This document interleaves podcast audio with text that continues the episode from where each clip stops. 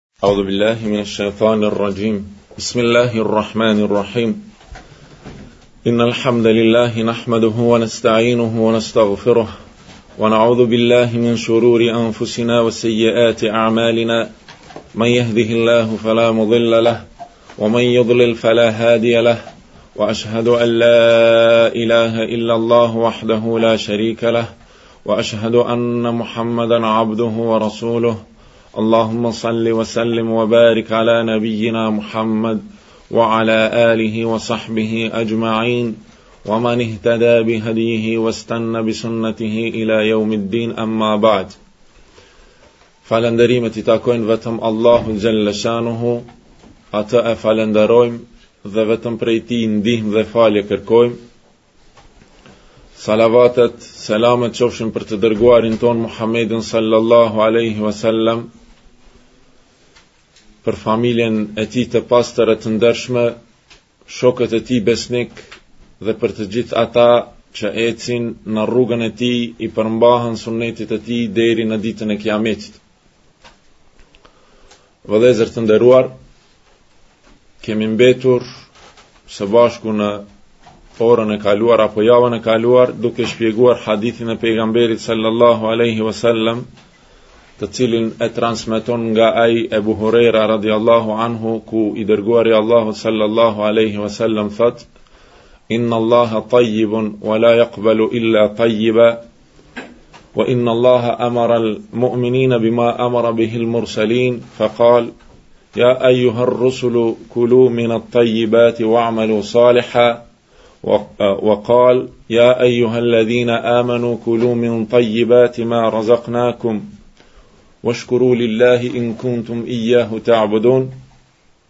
ثم ذكر الرجل يطيل السفر أشعث أغبر يمد يديه إلى السماء يا ربي يا ربي ومطعمه حرام ومشربه حرام وغذي بالحرام فأنا يستجاب لذلك راه حديثي تتسيل veç e dini kuptimin e tij dhe në fund të ligjëratës apo të shpjegimit tonë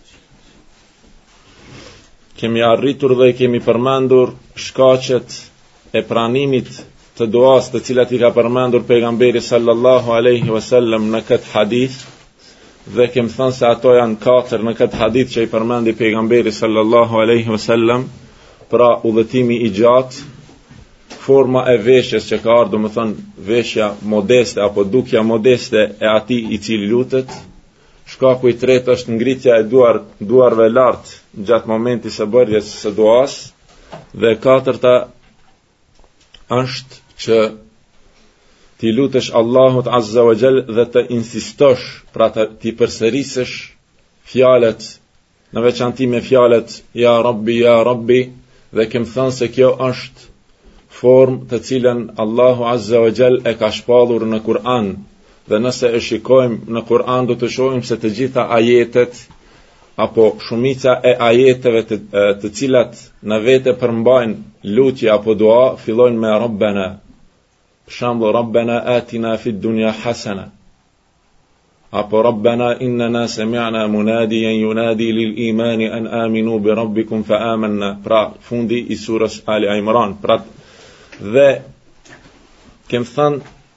hadithin e Aishës radiallahu anha e cila transmeton se pejgamberi sallallahu alaihi wasallam ka thënë idha qala al-abdu ya rabbi arba'an qala Allahu labbaik abdi sal tu'ta se al, uh, se nëse robi thotë katër herë o Zot atëherë Allahu i thotë të përgjigjem robi im kërko çfarë të duash unë të jap ty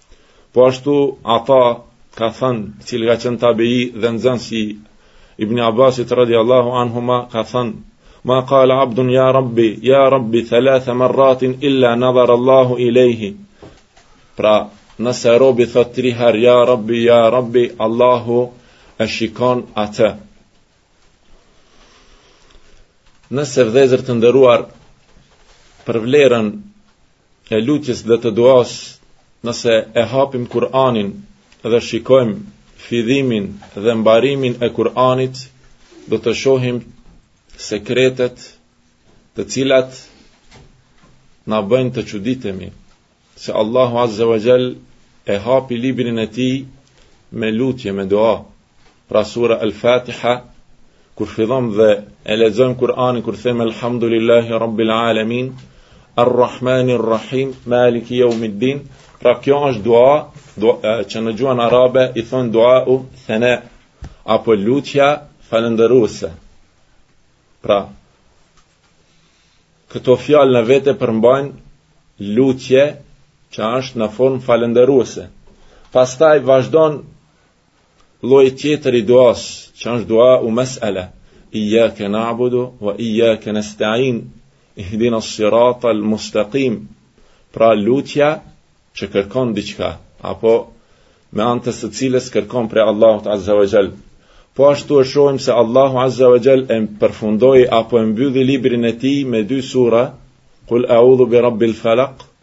dhe kul audhu bi rabbin nas, të cilat janë dua, dua u mesele, pra kërkon lutje që kërkon prej Allahut Azza wa Jall, të cilat në vete përmbajnë edhe dua u thena, apo lutja falënderuese. Po ashtu ka shumë hadithe të pejgamberit sallallahu alaihi wasallam, të cilat na nxisin që të bëjmë dua dhe t'i kërkojmë Allahut Azza wa Jall, pra t'i bëjmë lutje vetëm atij. Si për shembull hadithi nga Abu Huraira radhiyallahu anhu se pejgamberi sallallahu alaihi wasallam ka thënë lejse shejun akrama ala Allahi min ed-dua thotë nuk ka diçka më më fisnike tek Allahu sesa duaja apo lutja Po ashtu, po ashtu hadithi tjetër të cilin e transmeton Ibn Abbas radhiyallahu anhuma se pejgamberi sallallahu alaihi wasallam ka thënë afdalul ibada ad-dua se adhurimi më i mirë, më i vlefshëm është duaja apo lutja. Edhe shumë e shumë hadithe të tjera, të cilat flasin për për vlerën, për vlerën dhe fadiletin e duas.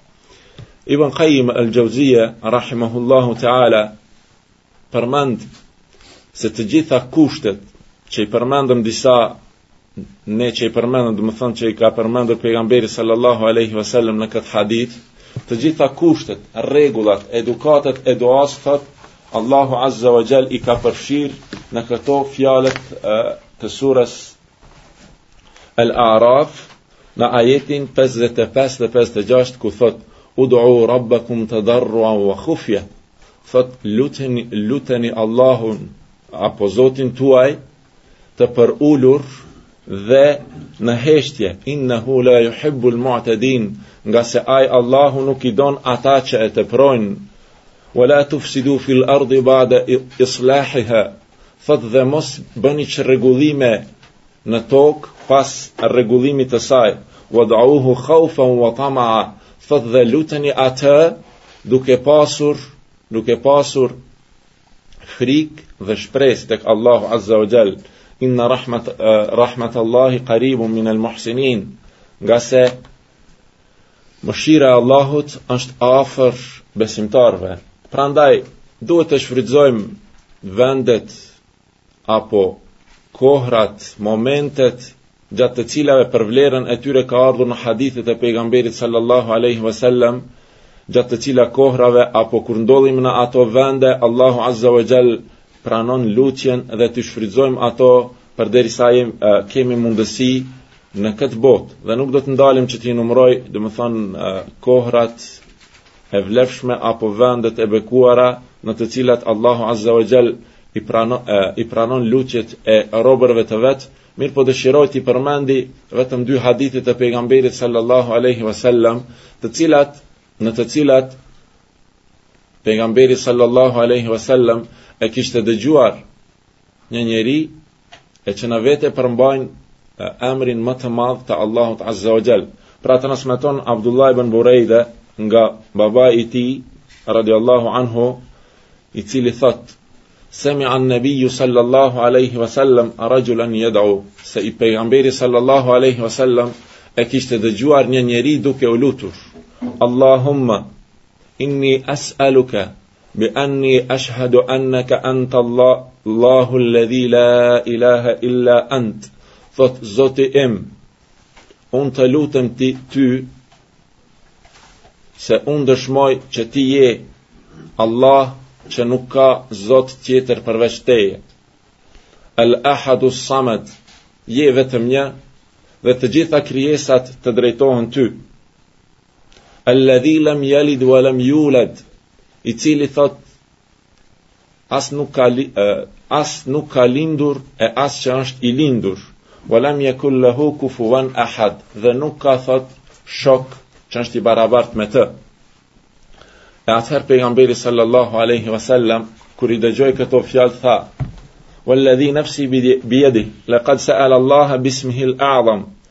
Alladhi idha du'ya bihi ajab wa idha su'ila bihi a'ta.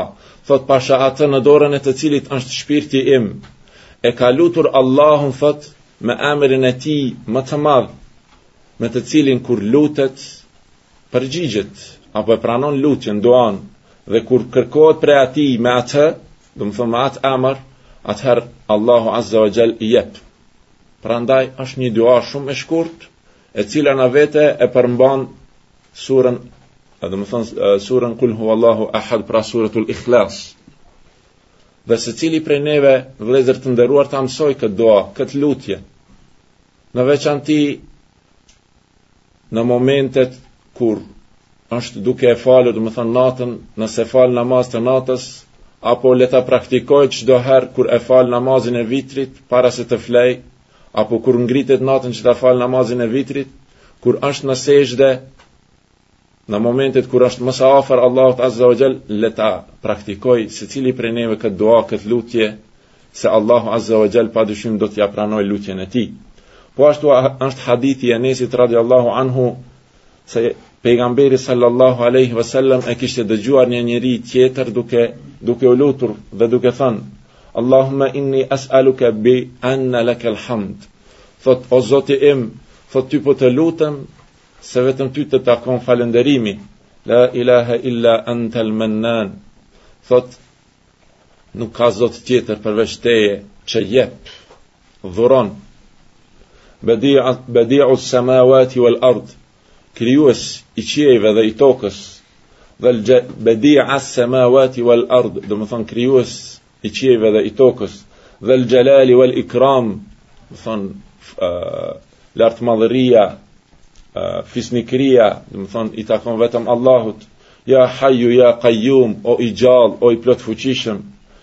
E atëherë pejgamberi sallallahu alaihi wasallam tha, "Faqad sa'ala Allah bismihi al-a'zam." Thotë e ka lutur Allahun azza wa jall me emrin e tij më të madh. Dhe pa dyshim vëllezër të nderuar, siç ka përmendur Ibn Qayyim al-Jauziyja rahimahullahu ta'ala, se lutja më e mirë, duaja më e mirë që e bën besimtari robi i Allahut azza wa jall në këtë botë është që t'i kërkojë ndihmë Allahut Azza wa Jall, që Allahu t'i ndihmojë atij të veprojë ato punë dhe fjalë të cilat e kënaqin Allahun Azza wa Jall, siç e ka mësuar pejgamberi sallallahu aleyhi wa sallam, Muadh ibn Xhebelin radiallahu anhu, ku i thotë, ja Muadh, wallahi inni le uhibbuk, o Muadh, thotë për Allahun unë të dua ty. Shikoni vëllezër, çfarë metodë e pejgamberit sallallahu alaihi wasallam. Se si e filloi këshillën e tij. Të marrim mësim prej kësaj këshille shumë të shkurtër. Dhe kur e këshillojmë dikënd, ndoshta nuk mund të ndikojmë tek ai. Në veçanti kur kemi probleme në familje. Secili prej neve ka probleme në familje. Ndoshta e ke ndonjë vëlla apo ndonjë motër, më i madh apo më i vogël, nuk të dëgjojnë. Kemi raste i flet dikush dikujt për namaz, nuk falet. Mirëpo, Shikoni se si pejgamberi sallallahu alaihi wasallam e filloi këtë këshillë. Dhe vëlla kur e këshillon dikënd, praktikoje këtë metodë të pejgamberit sallallahu alaihi wasallam. Dhe thuaj atij, vëllai im, për Allahun të dua. Dhe ty ta dua atë që ia dua vetvetes. Se pa dyshim këto fjalët janë çelës, i cili ia hap zemrën e tij dhe ai e pranon pastaj këshillën tënde, e jo me marrë me ashpërsi apo t'ia citosh disa ajete, disa hadithe, në mënyrë, domethënë, me sjellje të vrazhdë, me një ton të lartë, mirëpo filloje këshillën tënde dhe thuaj motra ime, vëllau im, unë të dua për Allahun, dhe vallahi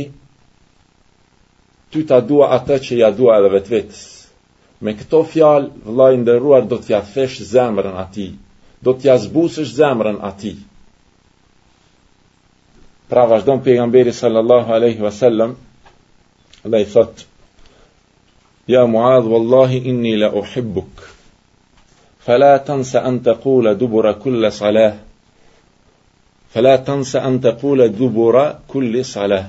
Thotë, prandaj mos harro që në fund të çdo namazit pra këtu është fjala disa kanë thënë se kjo lutje që ia ka mësuar pejgamberi sallallahu alaihi wasallam Muadh ibn Xhebelit radiallahu anhu mund të thuhet pas salavateve apo pas duasë që është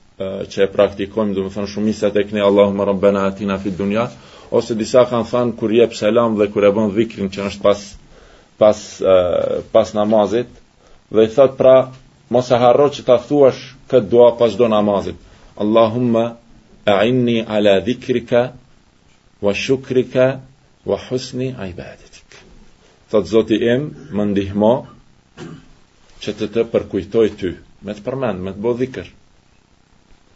Wa shukrika dhe të të falenderoj ty, me të falenderu. Wa husni ibadetik dhe me të adhuru ashtu siç e meriton ti.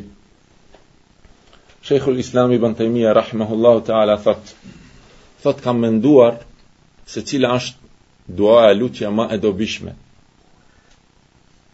dhe kur e pash se ajo është të kërkosh ndihmë nga Allahu Azza wa Jall në atë që e kënaq atë e pastaj thot e pash atë në surën Al-Fatiha me thon Elham që e këndojmë në çdo namaz në çdo rekat thot kur e pash atë lutje thot në suret Al-Fatiha ku ne themi çdo ditë Në çdo rekat, në çdo namaz iyyake na'budu wa iyyake nasta'in, vetëm ty të adhurojmë dhe vetëm prej teje ndihmë kërkojmë. Pra kjo është lutja më e dobishme siç e kanë përmendur këta këta dijetar të të mëdhenj të umetit islam. Pastaj çështja e fundit rreth këtij hadithit është dobitë që i përmban në vete ky hadith i pejgamberit sallallahu alaihi wasallam. Dobia e parë është se prej emrave të Allahut azza wa jall është edhe emri Tayyib. Edhe pse nuk përmendet në hadithin ku pejgamberi sallallahu alaihi wasallam i përmend 99 emra, mirëpo Kjo vërtetohet ngase në këtë hadith pejgamberi sallallahu alaihi wasallam i tha inna allaha tayyib allahu është i mirë dhe të gjitha dobitë me thon këtij hadithit i kam marrë nga Sheikh Uthemini prandaj të gjitha emrat e Allahut azza wa jall janë të bukura dhe në emrat e Allahut azza wa jall nuk ka diçka që është mangësi Nuk ka mangësi në emrat e Allahut Azza wa Jall. Për këtë arsye, çështja e cilësive të Allahut Azza wa Jall dhe a, a është më e gjerë se sa çështja e emrave të Allahut Azza wa Jall. Dhashtë edhe e keni mësuar në nivelin e parë se çdo emër në vetvete e përmban edhe cilësinë kurse çdo cilësi nuk e përmban në vete emrin e Allahut Azza wa Jall. Si për shembull prej cilësive të Allahut Azza wa Jall është edhe Al-Maji apo ardhja, wa jaa rabbuka dhe ka ardhur Zoti yt. Apo goditje, Al-Batsh. Inna inna batsha rabbika la shadid. Me të vërtetë goditja e Zotit tënd është e ashpër, e fortë. Prandaj, nuk mund të themi prej këtyre cilësive se prej emrave të Allahut Azza wa Jall është edhe ardhës apo goditës. Mirëpo, e cilësojmë Allahun Azza wa Jall ashtu siç ka ardhur në Kur'an apo në hadith të pejgamberit sallallahu aleyhi wa sallam dhe nuk themi se ai e ka këtë emër. Prandaj të gjitha emrat e Allahut Azza wa Jall dhe cilësitë e tij janë të mira. Mirëpo këtu kërkoj një vëmendje pak më të madhe, ka prej cilësive të Allahut Azza wa Jall, të cilat në një kohë apo në një gjendje janë kemal për Allahun Azza wa Jall, pra përsosmëri, mirëpo në raste të tjera është edhe mangësi.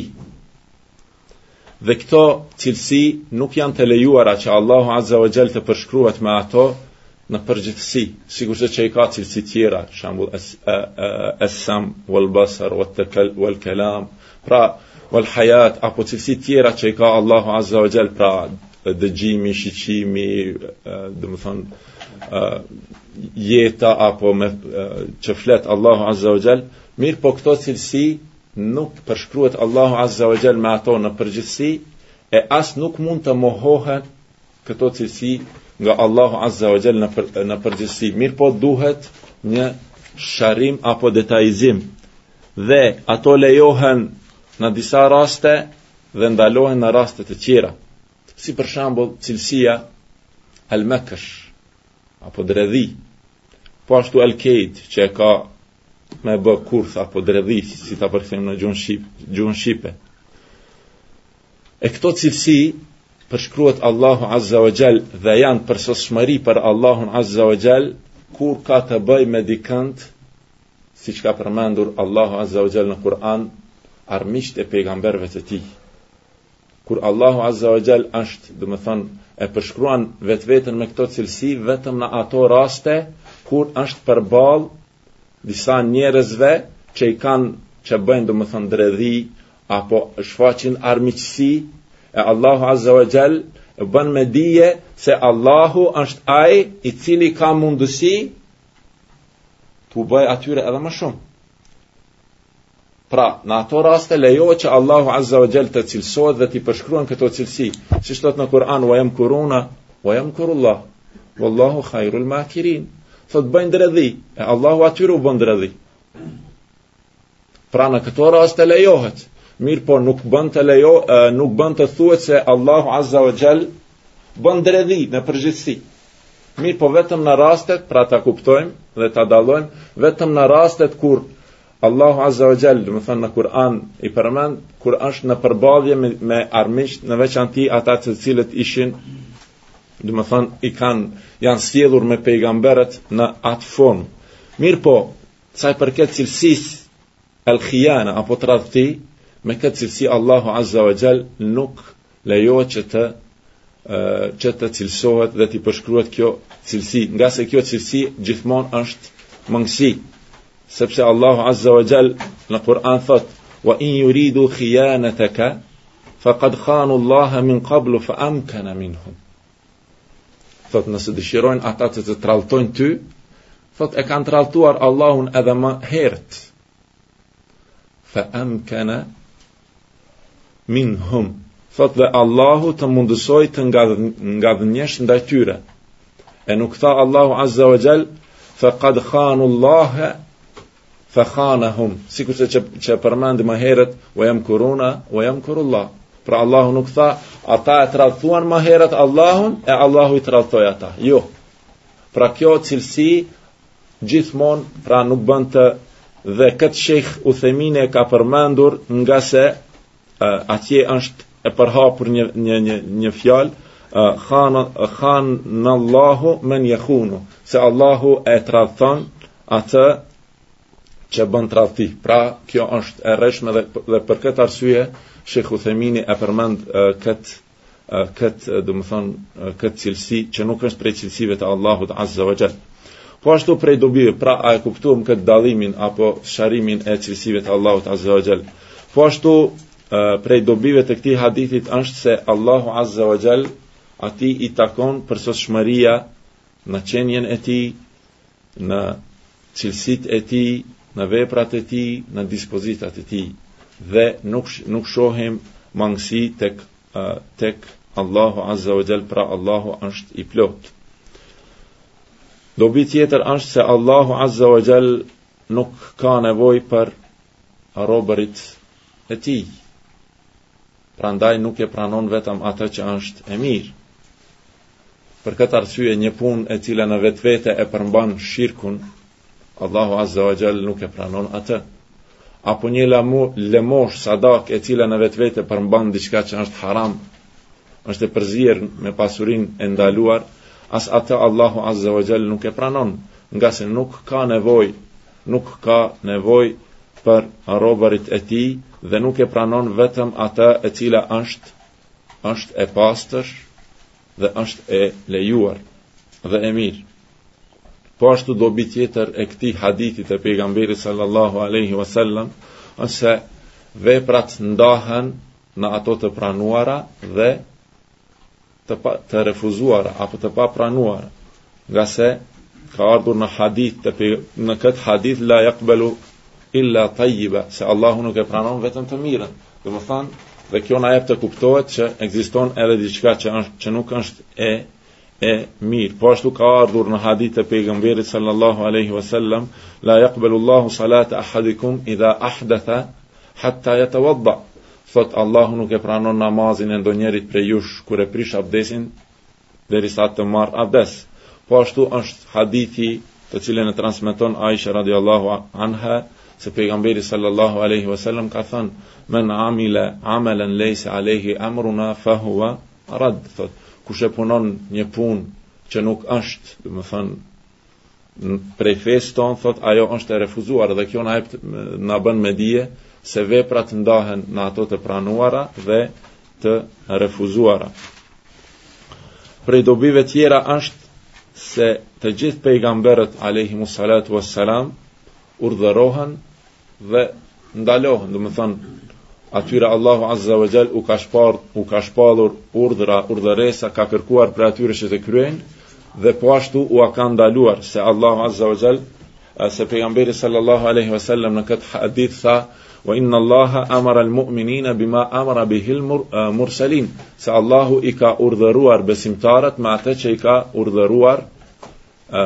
pejgamberët. Prandaj e shohim pejgamberin tonë Muhammedin sallallahu alaihi wasallam falte namaz natën. Siç e dini derisa këmbët e tij i ënjteshin, domethënë, dhe e dimë se Allahu Azza wa Jalla ia ka falur atij, dhe kur e pyetnin Aisha radiallahu anha, kur i tha ja Rasul Allah, Allahu t'i ka falur të gjitha, pse p'e mundon veten kaq shumë, thotë, efela ekunu abden shekura, thotë, e të mos jem një rob mirënjohës, falënderues, prandaj e kemi hudhejfen radiallahu anhu, i cili si një person i ri, shkon tek pejgamberi sallallahu aleyhi wasallam, dhe e gjend pejgamberin alayhi salatu wasalam duke falur namaz të natës.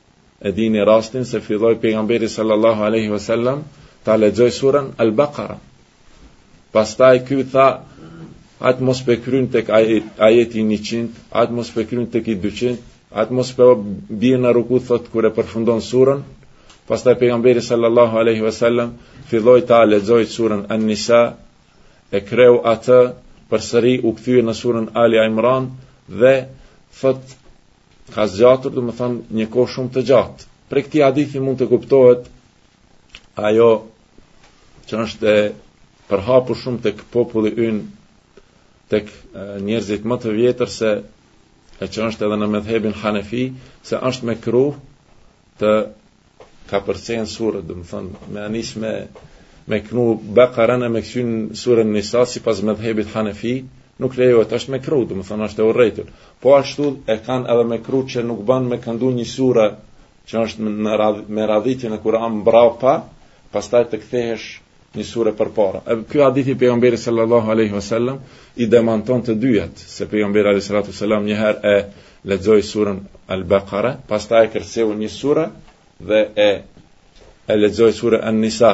Dhe e demanton të dytën se e këndoi një herë suren An-Nisa, pastaj është është kthyer dhe ka lexuar suren Ali Imran. Po ashtu Edhe besimtarët janë të urdhëruar sikurse pejgamberët, siç e tha pejgamberi sallallahu alaihi wasallam. Dhe njeriu apo robi i Allahut azza wa jall besimtari sa më shumë që t'i përmbahet urdhrave të Allahut azza wa jall, ai do të jetë më afër Allahut azza wa jall. Dhe nëse e shef vetveten se je bërë, domethënë të vjen rëndë për shembull të falësh të themi namaz të natës, nuk po flas për namazet obligative, apo të bësh një vepër që ndoshta më herët e ke bërë, e ndien në vetvete një plogështi atëherë, qortoje shpirtin tënd, qortoje vetveten dhe kërko ndihmë prej Allahut azza wa jall që ta shërosh atë plogështi, atë të themi, kushtimisht të themi, atë sëmundje, se njeriu ka raste kur imani i tij është më i fortë, forcohet dhe i bën disa vepra që për atë duken shumë të lehta, mirëpo vjen koha që ato të njëjtat vepra i duken të vështira dhe këtë le ta kontrollojë secili vetveten dhe le ta shikojë imanin e tij se ka problem me me diçka me zemrën e tij me imanin e tij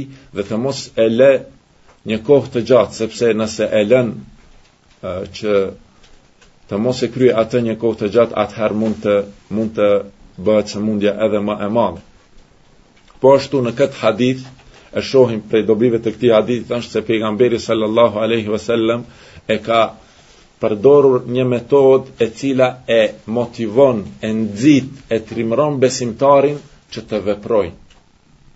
Ku është ajo? E shohim se pejgamberi sallallahu alaihi wasallam tha wa inna allaha amara al mu'minina bima amara bihi al mursalin se allahu i urdhëroi besimtarët me atë që i urdhëroi pejgamberët. Dhe kur besimtari e kupton se po e kryen të njëjtën vepër, po e kryen një udhër urdhër të Allahut Azza wa Jall që e kanë kryer pejgamberët, kjo në vetvete e nxit dhe e motivon besimtarin, robin e Allahut, muslimanin që ta kryejë atë vepër. Dhe kjo atij ia lehtëson ia lehtëson që ta kryejë atë vepër. Po ashtu prej dobive të këtij hadithit është se ai na urdhëron që të hamë vetëm prej gjërave të lejuara, të mira, siç i ka përmendur pejgamberi sallallahu alaihi wasallam nga fjalët e Allahut azza wa jall ku i urdhëron edhe besimtarët e edhe pejgamberët. Mirëpo këtu mund të bëhet një fajde, një dobi që e ka përmendun, që e ka përmendur Shejh Uthejmini është se tek disa radhët apo sektet e sufive ka disa njerëz të cilët nga modestia e tepruar thonë që nuk do të hamë disa ushqime. Mirëpo do të jemi sa më të thjeshtë. Dhe kjo është e ndaluar nëse e privon, e ndalon vetveten pa ndonjë shkak të fesë. Se e dimë selefët e parë, gjeneratët e para, kur kanë çliruar, kur kanë çliruar vendet dhe kur janë pasuruar, me thënë kanë hangër ushqim, është e vërtetë se pejgamberi sallallahu aleyhi vësallam nuk ka pasur, nuk ka pasur, ka pasur raste ka qenë, ka qenë i uritur, Mirëpo nuk do të thotë kjo që duhet edhe ne të rrimë të uritur dhe ta privojmë vetveten tonë apo ta ndalojmë vetveten tonë nga ushqimet të cilat na na hahen. Prandaj është parim, është rregull se ndalimi çdo person që ia ndalon vetvetes ndonjë ushqim pa shkak Të fesë, ajo është e ndaluar. Domethonë, ja ndalon vetvetes vetëm ato që e ka ndaluar Allahu apo pejgamberi sallallahu alaihi wasallam. Për ta kuptuar më mirë po e sjellim një shembull që është konkret tek ne në Rahovec, për shembull, mishi i lepurit është i lejuar. Ngrënia e tij është e lejuar. Dervishët në Rahovec thonë që është e ndaluar. E ndaluar, e dimë në hadith të pejgamberit sallallahu alaihi wasallam ka ardhur se ja kanë sjell lepurin në në në sofër, në tavolinë apo ku kanë ngrënë ushqim, e pejgamberi sallallahu alaihi wasallam nuk e ka hangër. Domethonë, jo që ka qenë e ndaluar, mirëpo u ka thënë sahabëve hani. Nuk pejgamberi sallallahu alejhi wasallam, pra kjo varet prap prej prej personit, mirëpo sikur të kishte qenë e ndalume, u kishte thënë mos e hani. Mirëpo, thjesht nëse në sofrën e pejgamberit sallallahu alejhi wasallam është ngrënë një ushqim, kjo të jep me kuptu se është një pëlqim i pejgamberit sallallahu alejhi wasallam dhe kuptohet që lejohet lejohet ngrënia e saj. Prandaj ndalimi apo privimi prej gjërave të lejuara dhe të mira pa shkak fetar është e urrejtur. Po ashtu prej dobive është se duhet ta falenderojmë Allahun Azza wa Jall ndaj mirësive që na jep neve dhe këtë jo vetëm me fjalë, siç e përmendëm javën e kaluar, mirëpo edhe me vepra, siç thot Allahu kulu min at-tayyibati wa amalu saliha. Hani thot prej të mirave dhe punoni punë të mira. Po ashtu prej Dobive tjera është se ky hadith, në këtë hadith pejgamberi sallallahu alaihi wasallam i ndalon gjërat e këqija apo jo të këndshme. Po e them jo të këndshme sepse këtu po ashtu është e njëjta gjë që ndërlidhet sikurse që përmenda rastin me lepurin, a është bazë Domethonë e ndalimit të diçkas, diçka e keqe, a mund të themi që është diçka e keqe dhe të merret mendimi i një personi apo është bazë sheriati, pra e kem fjalën atë që ndalon Allahu apo pejgamberi sallallahu alaihi wasallam. Me fjalë të tjera, Vetëm kur thotë Allahu Azza wa Jall apo pejgamberi sallallahu alaihi wasallam se kjo është e keqe, ajo është e keqe. E jo shembull të vijë një njeri, shembull nuk ja ja, ka ënda diçka, nuk i hahet diçka thotë jo, kjo është e keqe. Sikurse që është rasti rasti i karkalecave. e dim se ka ka ardh në hadith pejgamberit sallallahu alaihi wasallam kena luftu një sahabi thot kena luftu shtat beteja dhe jemi ushqyer me karkaleca me i thon dikujt shembull tash karkaleca thot nuk smuj me paramendu me hangër e nuk thot kjo që un nuk mund ta paramendoj me me hangër atë që është e ndalume Në sheriat dihet cila është dispozita e ngrënies së karkalecave apo të ushqimeve të tjera, siç e përmenda më herët lepurin. Prandaj, nëse unë si person nuk nuk ma kënda me hongër atë, nuk do të thotë se ajo është e ndaluar. Pra bazë është edhe po ashtu edhe këtu bazë është është fjala e Allahut dhe e pejgamberit sallallahu alaihi wasallam. Po ashtu, siç përmend shehu, prej dobive të këtij hadithi është se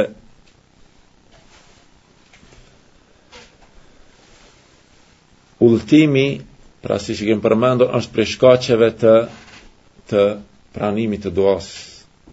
Siç kem thënë edhe më herët, edhe vet udhëtimi, edhe nëse nuk lutet njeriu, domethënë nëse nuk i ngrit siç ka ardhur në këtë hadith, nuk, nuk i ngrit duart vet vet udhëtimi apo ai musafiri që udhëton, udhëtari që udhëton, është njëra prej rasteve ku ku pranohet ku pranohet dua dua apo lutja e tij.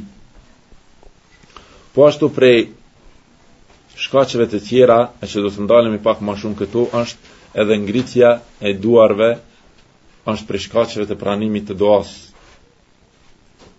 Dhe e kemi përmendur format që janë që kanë ardhur në në hadithet e pejgamberit sallallahu alaihi wasallam se si pejgamberi alaihi salatu wassalam është lutur, domethënë se si i ka ngritur duart gjatë lutjes dhe sheh Uthejmini thot se forma më më e preferuar thot është të ngriten duart, domethënë kështu, domethënë tek gjoksi. Nëse duaja bëhet përgjërim apo tedarru apo ibtihal që i thuhet në gjuhën arabe, atëherë ngriten duart edhe, edhe më shumë, më lart, domethënë, në këtë, në këtë formë.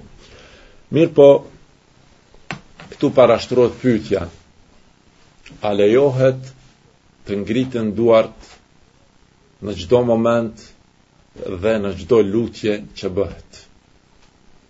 Pra, ka raste ku shembull nëse i ngrit duart kur dikush lutet, atëherë gabon. Për këtë arsye shehu përmend dhe thot se kjo çështje ndahet, domethënë në tri në tri pjesë apo në tri grupe. E para është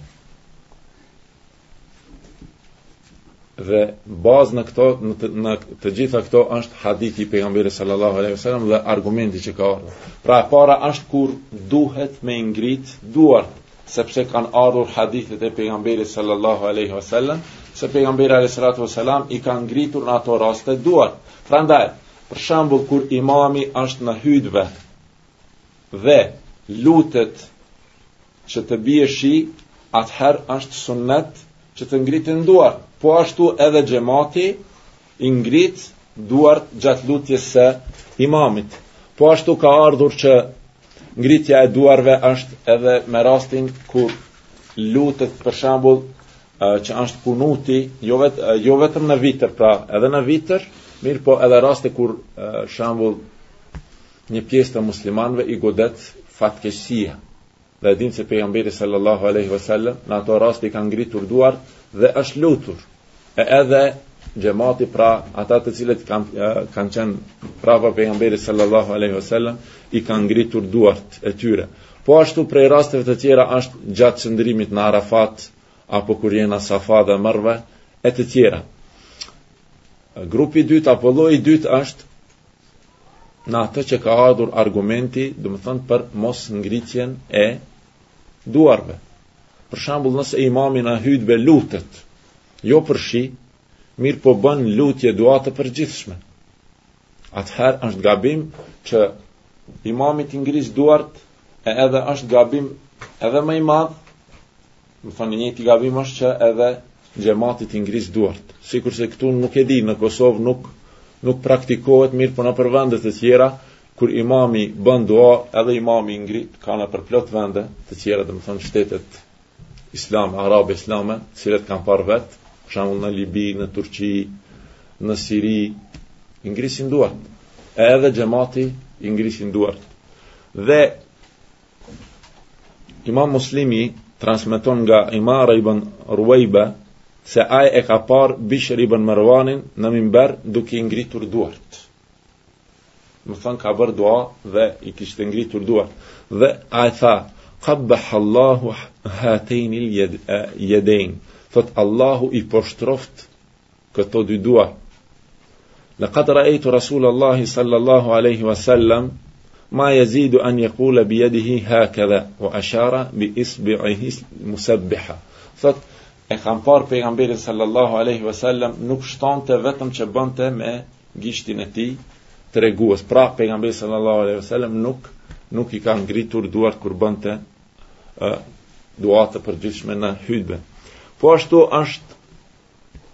E treta që është pak ma problematike është rastet në të cilat nuk ka ardhur hadithi apo nuk është transmetuar as lejimi e as ndalimi.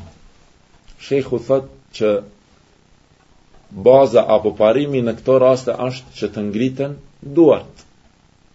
Që të ngriten duart, sepse ngritja e duarve është prej shkaqeve të pranimit dhe prej rregullave dhe edukateve të lutjes dhe të duasë. Mirëpo e përmend një rast, për shembull, ulja e imamit ndërmjet dy hutbeve. Thotë nuk është transmetuar nga asnjëri prej sahabëve se i ka ngritur duart. Prandaj, thotë, nëse bazohemi në këtë aspekt që nuk është transmetuar prej asnjërit nga sahabët që i ka ngritur duart kur është ulur ndërmjet dy dy hutbeve, pra shihni imamët plot prej imamëve tek tek ne kur ulet ndërmjet dy hutbeve i ngrit duart. Thot nëse bazohemi në këtë që nuk është transmetuar nga asnjëri prej sahabëve thot nuk lejohet. Mirëpo, edhe nëse e shohim dikan thot shehu që i ka ngritur duart dhe lutet nuk mund me ndalu. Sepse nuk ka uh, nuk ka thot ndonjë uh, ndonjë bazë argument i prerë që e ndalon dhe thot se ngritja e duarve është prej shkaqeve që pranohet pranohet duaja. Këtu e përfundojmë. E lusim Allahun Azza wa Jall që na shpërblej me shpërblimet e tij të mëdha dhe inshallah ju dhuron sabër dhe durim me neve Allahu ju shpërbleftë na bëni hallall